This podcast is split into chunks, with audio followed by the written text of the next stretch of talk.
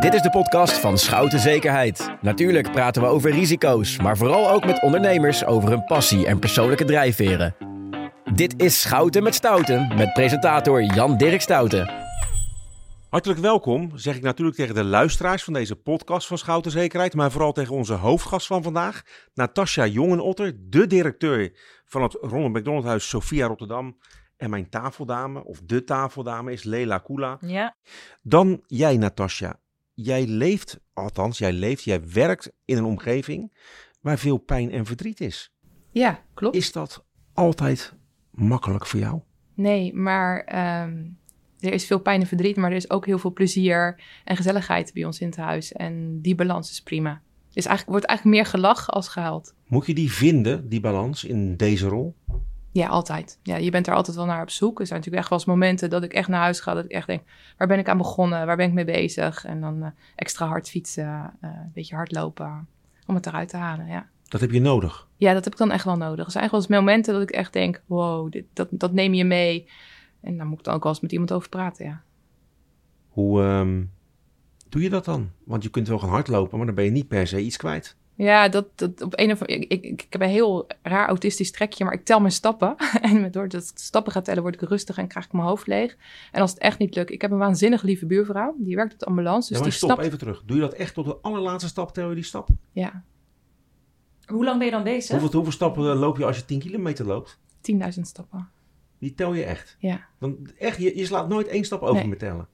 nee. Je zegt een autistisch trekje. Het is volledig autistisch. Ja, maar het werkt fantastisch. En tel je dan hardop? Of doe je dat in je dat hoofd? doe ik in mijn hoofd. En, Oké. Maar je- mensen die me kennen, die mij zien lopen, zien dus wel mijn vingers gaan. Maar doe je dat dan alleen als je iets moet verwerken of doe je het altijd? Nee, altijd. Ook als ik wandel. Maar eigenlijk gewoon altijd. Ook als je naar de wc moet straks, ga Nee, je, nee, nee, dan niet. Nee. dan zou het best ver gaan. Ja, nee, dan gaat het Dan wordt het echt een wel. volledig ander gesprek. Nou ja, dan kom ik maar bij jou, Leila Koela. Wat is jou? Ja, niet per se autistisch trek. Maar heb jij een aparte eigenschap, gewoonte? Niet één bepaald trekje. Ik ben wel heel erg gestructureerd en geordend. En als ik op vakantie ga, dan begin ik al drie dagen van tevoren met pakken. En dan moet echt alles al in de koffer wat, eh, wat mee kan. En mijn vriend, eh, die vindt daar wel wat van. Maar dan heb je ook echt zo'n lijstje. Pleisters. Ja, ja. En dan eh, Zonnebrand, ga ik één voor zonnebril, één per eh, zeg maar, verzekeringspolissen. rubriek eh, begin ik, zeg maar. Per rubriek Oh. ook gewoon. Oh. Ja, dat gebeurt. Ik weet niet of je het nou knap vindt of erg. zeg ik maar eerlijk. Nou, dan is mijn eh, vriend in ieder geval een medestander. Zo ben jij volgens mij niet, of wel? Nee, Natasja? helemaal niet. Ik eh, Nee. doe echt last minute mijn koffer inpakken. Ja, Echt waar. En dan denk ik, alles wat ik niet bij me heb, kan ik daar wel kopen. ja. Was het een droom om eh, directeur van dit huis te worden? Mm, misschien een onbewuste droom. Ik heb natuurlijk altijd in de zorg gewerkt. Ja. Eh, Maasland ziekenhuis een tijdje. Ja, bij AVI heb ik gewerkt. En toen naast het ziekenhuis ging het uiteindelijk echt alleen nog maar over geld. En ik wilde echt het verschil maken voor mensen. En toen ik bij AVI werkte, heb ik in een zorghotel gewerkt. En mijn droom was een eigen hotel. Dus ja, ik doe nu zorg en hotellerie samen. En mooier kan je niet hebben. Ja, je ogen gaan ook glinsteren Ja. als je dit zegt. Ja. Hoe, wa- waar, waar komt dat vandaan? Ja, wat wat ik- raak je dan zo in dat werk? Eh, nou, dat is heel egoïst, maar ik wil het verschil maken voor mensen. Ik wil gewoon iets doen waardoor de wereld er een beetje mooier en een beetje beter uitziet. En ik denk dat ik dat echt nu wel doe. Ja? Ja. Geef eens een voorbeeld. Wat is het laatste verschil dat je gemaakt hebt? Eh, het laatste verschil, nou, het is misschien niet het laatste verschil, maar misschien wel een van de mooiste verschillen die ik gemaakt heb. Het is afgelopen kerst geweest. We hadden een gezin in huis en eh, een van de, eh, de, de gez- het gezonde broertje zat bij ons in huis en die was helemaal overstuur. Dus ik vroeg, wat is er aan de hand? Wilde niet zeggen. Toen vertelde zijn vader dat hij bang was dat de kerstman hem niet kon vinden, want er was geen kerstboom op zijn kamer en hij had geen lichtjes. En dan kon de kerstman hem nooit niet vinden. En nou, sorry, hij, hij raakt me weer. Eh, maar we hebben alles in het werk gesteld. En uiteindelijk was er een prachtige kerstboom op die kamer. Met lichtjes en cadeautjes. Bijzonder zeg. Ja. Ja, dat is klein, zou je kunnen zeggen, maar eigenlijk heel groot. Voor dat kindje was het Ja, heel toch? groot. Ja. Ja. Het heeft mijn kerst ook fantastisch gemaakt, moet ik eerlijk zeggen. Terug naar het begin van dit gesprek. We zijn net begonnen, maar toch. Ja, die, Ja. ta- die stap, hè? Ja. Nee, nee, nee, die stappen, dat, dat heb ik opgeslagen. Daar ga ik wel een keer op terugkomen. In, eh, we- weet ik veel wanneer. Maar over de, de omgeving met pijn waar je werkt. Met verdriet. Met ouders die zieke kinderen hebben. Met broertjes en zusjes die meemaken dat iemand die ook hen dierbaar is eh, veel pijn heeft. Hardlopen snap ik. Maar is het toch niet zo dat je regelmatig thuis bent en daaraan denkt? Nee, dat valt echt wel mee. En wat ik net zei, ik heb een hele lieve buurvrouw. Ze werkt op de ambulance, dus zij snapt wat voor wereld ik leef. Ehm, en dan, dan kan ik er met haar wel heel goed over praten. En dan kan ik ook heel ongenuanceerd praten en mijn frustraties laten gaan. Want die heb ik natuurlijk ook wel eens. Ehm, maar ja, nee, en verder, ik ben opgeleid in de zorg. Dus je hebt een bepaalde professionaliteit, waardoor je ook gewoon een soort muurtje bouwt dat niet alles binnenkomt. Hoe doe je dat? Ja, dat leer je jezelf aan. Dat is gewoon, ja, vraag het aan een dokter, die kan ook geen antwoord geven daarop. Nou, ik weet van Casper van Eyck, Ja. die, die is natuurlijk bevriend met René van der Gijp. Dat is mede omdat het zo lekker relativeert met hem. Dan lachen we Ja. veel en dan vergeet ik al die doodzieke mensen. Ja, maar ja, goed, ja, weet je, wij, wij lachen in het huis ook heel veel. En ik heb een waanzinnig tof team om me heen. En ik ontmoet fantastisch veel mooie mensen. Die allemaal met hart en ziel wat voor ons huis doen. Nou ja, Lela kan erover meepraten. Eh, Ja. Ja, je doet natuurlijk, Natasja, op de homerij die jullie gedaan hebben met Schoutenzekerheid. Ja, 40.000 euro opgehaald. hè? zeker. Ja, Hoe mooi is dat bedrag. gegaan? Ehm, heel goed. Heel goed om mee te beginnen. Want we hebben natuurlijk een heel mooi bedrag eh, opgehaald. En we hebben echt eh, alles bij alles gezet om dat ook eh, te realiseren. En de home ride zelf, ja, dat was fantastisch. Fantastische ervaring. En ook, Heb je zelf gefietst? nee. Ja, dat is een heel Jammer kort eigenlijk. antwoord. Ja, is Nee. jammer voor dit verhaal, vooral. Nee. Nee, ik heb wel. eh, ik was meer als begeleider, dus ik moest eh, eigenlijk alles in goede banen leiden met andere begeleiders. Ik heb wel ook in de bus gereden. Ik heb op de scooter gesne- eh, gezeten eh, s s'nachts. Dus dat was ook wel een, een dingetje. Dat was ook wel spannend. Eh, maar het was echt een fantastische ervaring. En ik vond het ook eh, heel goed georganiseerd. Ook eh, vanuit eh, nou ja, Ronald McDonald en eh, alle organi- organisatoren. Mijn goede vriend, professor hoogleraar Jan Robman, zegt altijd dat jonge mensen, en jij bent jong, de jongste aan deze tafel, zegt niks verkeerds, hè, Natasja? Nee, dat jongeren steeds meer voor werkgevers kiezen. En dan gaat het niet om die leaseauto, niet per se om het geld, maar vooral om de maatschappelijke waarde die bedrijven ook moeten hebben. De dingen die ze toevoegen aan de maatschappij. Is dat voor jou ooit een belangrijke graadmeter geweest om bij Schouten te gaan werken? Dat aspect? denk niet in mijn keuze om bij eh Schouten Zekerheid te gaan werken. Maar het, het speelt natuurlijk wel mee dat we dit eh, belangrijk vinden. Ik heb dat van huis uit ook altijd meegekregen. Hè? Wat doen voor een ander. En ehm, juist omdat we nu in een wereld leven waarin toch wel veel om werk gaat, wil je vanuit je werkgever dus ook die eh bijdrage en tijd en ruimte krijgen om je dus in te zetten voor een goed doel. Ik denk dat dat even de balans is die dan gevonden moet worden. En als je dus dan nou ja, een bijdrage kan leveren aan het Ronald McDonald Huis vanuit je werkgever, zodat je dan, hè, omdat je best wel veel tijd besteedt aan je werk en dus privé daar minder tijd voor hebt, nou, dat is dat eigenlijk een hele mooie balans. En mensen hier stonden te trappelen om te fietsen Ja. voor het huis. Ja, Iedereen uitge, de, de tocht uitgereden? zeker. Ja, wie was de beste? Oh. Ga je nou lachen? Wie wil, ik eh, denk eh, Leendert Jan. En is een goede fietser. Dat is een Goede hele goede renner. fietser. Ja, zeker. Ja. Natasja, in jouw werk, je, je komt uit de zorg, laten we daar beginnen. Da- gaat het om zorgen voor? Aan de andere kant, in deze rol is het ook erg belangrijk dat je iets commercieels in je hebt. Want je moet aan de lopende band continu geld genereren. Daar heb je het bedrijfsleven nodig. Zijn die rollen eigenlijk verenigbaar in één mens? Ja, blijkbaar wel, want eh, ik leef nog steeds en ik vind het allemaal leuk. Ja, nee, dat kan prima. En ik moet, laat ik ook wel weten, weet je, voor mij maakt het het makkelijker omdat ik een redelijk aaibaar doel werk. Hè, dat, dat, dat daar hebben we het wel eens over. Hè, voor als het iets met kinderen is, zijn mensen over het algemeen toch al meer geneigd om wat te doen. Dus dat maakt het voor mij wel wat makkelijker. 100% In de zin dat, commercieel zal ik nooit worden. dat het sympathie opwekt, bedoel Ja. je bij mensen. Ja. Maar is Iedereen kan zich voorstellen hoe het is om een ziek kind te hebben. Ja. Daar praten we zo over verder, maar toch nog even over jou persoonlijk. Hè? Wat, wat staat het meest dicht bij je? Dat zorgen voor en het managen van dat huis of, of dat commerciële toch? Dat, dat geld genereren. Nee, het zorgen voor. Ja, ik heb echt een zorghart. Ja. Ja. maar dat ook uit je verhaal net over de kerst. eh, wat ik mooi vind om te horen is, je bent eindverantwoordelijk voor het Ronald McDonald Huis. Je bent hè, manager daar zo. En dat je toch ook zo dicht bij de mensen staat, dat je dat verhaal meekrijgt en dat je dan zorgt dat dat gerealiseerd wordt. Dat vind ik heel bijzonder. Dankjewel. Jij geeft in dat huis leiding aan veel vrijwilligers. Ik weet van mensen uit de sport, voorzitters, die dan vaak ook een bedrijf hebben, dat ze daar op basis van hiërarchie en dat ze mensen betalen, dingen kunnen eisen van mensen. Dat is met vrijwilligers vaak compleet anders. Hoe is dat bij jou? Nee, vrij, weet je, vrijwilligers zijn natuurlijk, hebben een andere intrinsieke motivatie dan mensen die in dienst zijn. Tenminste, dat is vaak. Hè? Eh, ik, ik, ken, hè, nou ja, ik heb jou ondertussen ook al een paar keer gezien, Lela. En ik weet dat er bij jou ook een enorme eh, drive zit om eh, gewoon iets goeds te presteren. Ehm, we weten helaas dat dat inderdaad in de normale wereld eh, ook wel eens anders is. Dat mensen echt alleen maar voor hun centen werken. Ehm, maar bij vrijwilligers zit de intrinsieke motivatie om iets te doen voor die ander. Nou, en die gaan met mij een contract aan of een samenwerking aan. Maar in die samenwerking staat wel beschreven: vrijwilligerswerk is eh, wel gratis, maar niet vrijblijvend. Dus als je met mij afspraken maakt, mag ik ook verwachten dat je komt. En natuurlijk mogen ze op vakantie, natuurlijk kunnen ze ook een keer ziek zijn. Eh, maar je, ze komen wel. Het levert nooit gedoe op. Nee, eigenlijk niet. Nee, Nee. nee. Het- het- Sterker nog, het, het heeft in de, in de coronatijd wat gedoe opgeleverd. Omdat wij hè, de- vanuit onze regering is natuurlijk toen gezegd... Hè, de 65-plusser, eh, hè, d- dat- daar is het gevaarlijk voor. Die moet eigenlijk niet meer op straat... eh, zolang we niet weten wat we eraan kunnen doen. Dus wij hebben voor deze mensen eh, g- gezegd... even niet, even niet komen.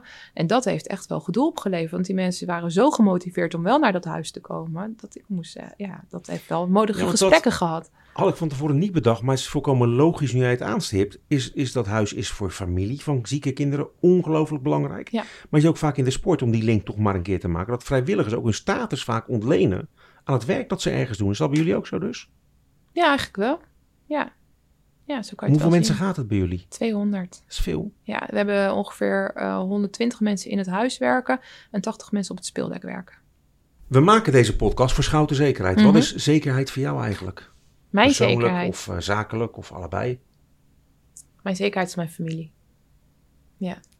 Als ik zonder mijn familie zou ik gewoon niet kunnen functioneren. Op wie doe zoals je ik het specifiek? En mijn ouders en mijn broertje. Hoe oud zijn die ouders of hoe jong? mijn, eh, mijn vader is 83. Dat is mijn Feyenoord maatje. Eh, mijn moeder is 75 en heeft me alles geleerd wat ik moet weten. En mijn broertje is, eh, even denken hoor, eh 46. Dat is mijn vrouw, mijn vriendje. Mijn beste vriend. Hoe vaak zie je ze? Heel veel. En wat is veel? Ja, ik, ik zie mijn ouders wel twee keer in de week. En mijn broertje, eh, ja, dat is even afhankelijk van zijn eh, werkschema en mijn werkschema. Maar we proberen elkaar wel wekelijks te zien. Je, je zegt, je, je vader is je Feyenoord-maatje. Ja, Dan ga je mee naar de Kuip, hè, vaak? ja, of ja, altijd zelfs? Altijd, ja. Hoe is dat samen? ja, ik vind het fantastisch. Weet je, hij heeft mij de liefde voor Feyenoord bijgebracht. En eh, ja, d- is, ik vind het gewoon heel tof dat ik dit nog met hem samen kan doen. En ik hoop dat het echt nog heel lang kan. Ja. Ja. Over jouw ex-man heb je ooit bij ons in de Reur Lunchbreak gezegd. Ja, je gaat wel lachen. Maar als er nou één bijzonder verhaal is in, in die 150 shows die we gemaakt hebben, is dat jij je nier hebt afgestaan aan je ex-man. Ja. Kun je nog eens uitleggen waarom dat nodig was en waarom je dat gedaan hebt? Ja, hij was ziek en eh, dat was al toen wij nog getrouwd waren. En eh wij zijn toen ook dat traject ingegaan voor nierdonatie. En ik was gewoon goedgekeurd, zeg maar. Dus ik, wij waren een match. En nou ja, op een gegeven moment gaat zo'n huwelijk eh, strand. Maar ik heb geen hekel aan hem en hij ook niet aan mij. En ik heb toen gezegd van ja, wat er ook gebeurt, weet je. Die nier, die is gewoon voor jou. Dus toen het nodig was, eh, heb ik hem afgestaan. Dus Heel bijzonder. Echt respect. Dankjewel. Hoe moeilijk was dat? Niet. Nee? Nee. Nee, dus, eh, eh, ik heb daar gewoon geen vijf minuten over nagedacht. Nee. En iedereen zegt ook altijd, hoe is het met jouw nier bij hem? Dan zeg ik altijd, het is mijn nier niet meer, het is zijn nier. Is het gevaarlijk als je een nier afstaat voor jezelf? Nee, helemaal niet. Nee, nee, het is heel normaal om te doen. En eh, ik kan echt iedereen, weet je, die iemand in zijn omgeving kent, eh, die nierproblemen heeft, eh, denk daarover na of je die persoon kan helpen. Want je geeft eigenlijk een stukje leven weg terug aan iemand eh, die gewoon echt na de di- donatie, die zie je opknappen, die zie je echt herstellen. Ja, je hebt zelf ongeveer zes weken nodig om weer eh, normaal te kunnen functioneren. Maar op één nier doe je het prima. Ik moet denken, Lela, aan een gesprek dat we eerder in deze Schoutentoren voerden met jou en Rob van Os. En Natasja heeft een, althans ze vindt het zelf geen opoffering, maar ze voelt het voor mij als luisteraar wel. Jullie hebben ooit een jong meisje in huis genomen wiens moeder overleed. hè? Ja. Voelde dat ooit als een opoffering? Nee, absoluut niet. Zeker niet. Hoe voelde het wel? Als een toevoeging in mijn leven. En dat was het ook op dat moment. En wat Natasja nu ook zegt, dat ze geen minuut hoefde na te denken over het afstaan van haar nier. En ik kan me ook helemaal inbeelden dat ik dat bij haar ook eh, niet zou hebben. Nee. Nee. Hoe Weet is het je, met- ik vind, ik, jij zegt net hè, van eh, respect dat je zoiets doet. Maar dan denk ik van, oké, weet je, ik, ik ben gewoon even het ziekenhuis ingegaan. Ik heb een stukje uit mijn lichaam laten halen en iemand anders geven. Gelukkig kan de wetenschap dat. En daarna ben ik er eigenlijk dus aanstekens van af. Maar je hebt gewoon iemand in huis genomen. Je hebt de verantwoordelijkheid. Ik heb, het, ik heb de podcast gehoord. De verantwoordelijkheid genomen voor een heel klein meisje. eh, en die een stukje zekerheid in haar leven gegeven. Ja, sorry, maar dat, dat is toch voor altijd. Het is Ja, toch dat fantastisch is het wat je ook. gedaan hebt. Ja, en ik ben er ook heilig van overtuigd dat als ik op een dag zelf kinderen krijg, ehm, dat die band die gaat anders zijn dan dat ik met haar heb. En ik ga niet zeggen minder of beter of wat dan ook, maar wat ik met haar heb. eh, en ik geloof ook dat als ik met een bepaalde reden op deze wereld ben gekomen, dan is dat eh, om haar. Ja, maar maak je zin eens af wat ik met haar heb. En toen slikte je je woorden in. Ja, dat is. Ik kan dat niet. Ik kan dat niet verwoorden. Dat is zo bijzonder. Dat ik heb dat met niemand anders. Zelfs niet eens met mijn eigen directe familie. Hoe oud is het meisje nu? 12. Ik zeg het meisje, hoe heet ze? Julia. Hoe is het met Julia nu? 12 jaar? Heel goed. Ja? Ja. Ja, dat is, dat, is, dat is groter dan wat ook in een mensenleven. Toch Natasja, als je Ja. dit kunt? Ja, nee, ik vind het echt fantastisch. Ik weet niet of ik het zou kunnen. Nee. Nee, echt niet. Ja, soms kan stilte ook functioneel zijn. Dit is een beetje een zakelijke opmerking, maar ja, je voelt die positieve spanning aan tafel.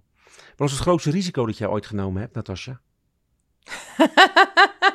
Heb ik ooit een risico? ge- eh, eh, nou, eh, goh, nou weet ik eigenlijk niet. Nee, ik ben niet zo van de risico's. Nee? Nee, ja, weet je, dan denk ik er niet van tevoren over na. Ik Lig ben- jij nergens wakker van in het leven? Nee. Sorry, nee. Nee, geen sorry, is hartstikke lekker. Lijkt me heerlijk. Nee, ik, eh, ik weet je, ik, ik ben eh, vrij impulsief, dus eh, dan doe ik het gewoon maar.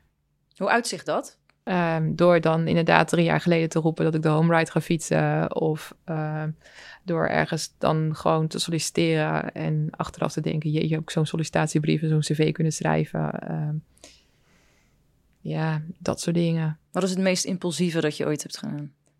Trouwen, nee. Sorry. nu geef ik stiekem antwoord. Nee, nee trouwen daar, nee, dat heb ik niet heel impulsief gedaan. Eh wat is het meest impulsieve dat ik heb gedaan? Goh. Oké. Eh, mijn, eh, mijn meest recente impulsieve actie was op date gaan met een eh, man die ik echt niet kende, amper kende, en naar de Efteling te gaan. ja, dat, dat was vrij impulsief. Zit je meteen de hele dag met elkaar opgeschreven? Ja. Inderdaad. Heb je, kan altijd- heb je richting het spookslot gestuurd of is het wat geworden tussen jullie? Nee, het is niks geworden. Je bent achter in het karretje gaan zitten. Zoiets.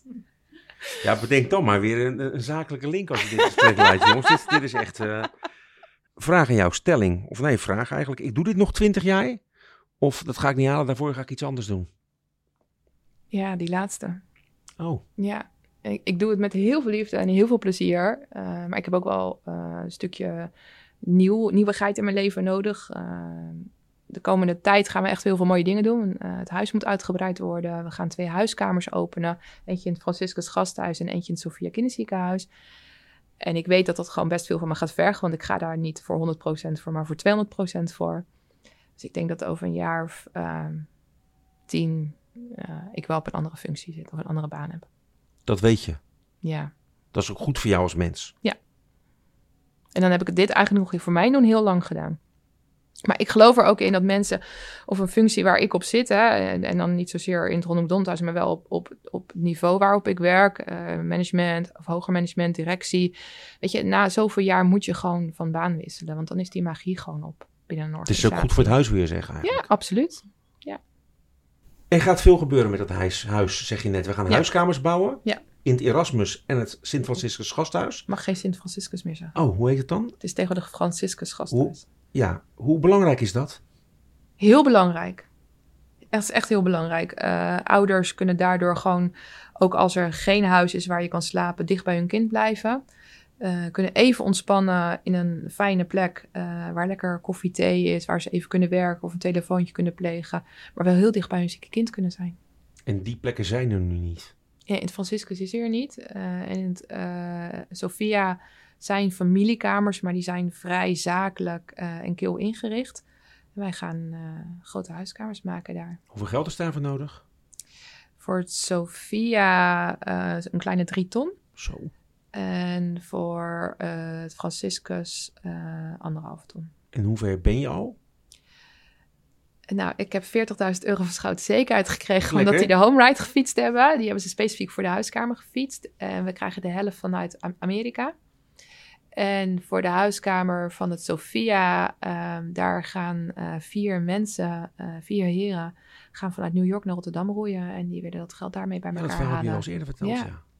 Ja. Hey, als je zegt vanuit Amerika, wat doe je van jullie moederorganisatie? Want rondom Ja, met honderd ja, huizen. Armatie. eh, Wereldwijd, ja. Ja, Ja. Ja.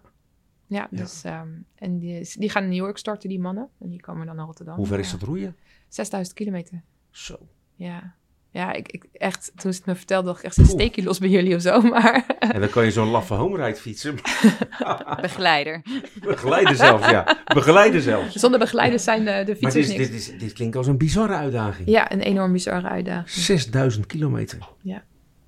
Ongelooflijk. En dan gewoon zonder begeleiding, met alleen maar van die satelliettelefoons en eh, in een roeiboot. En daarmee kun je een huiskamer betalen. Ja, dan kan ik ze mee inrichten en laten starten. En dan is er gewoon weer ieder jaar geld nodig om ze draaiend te houden.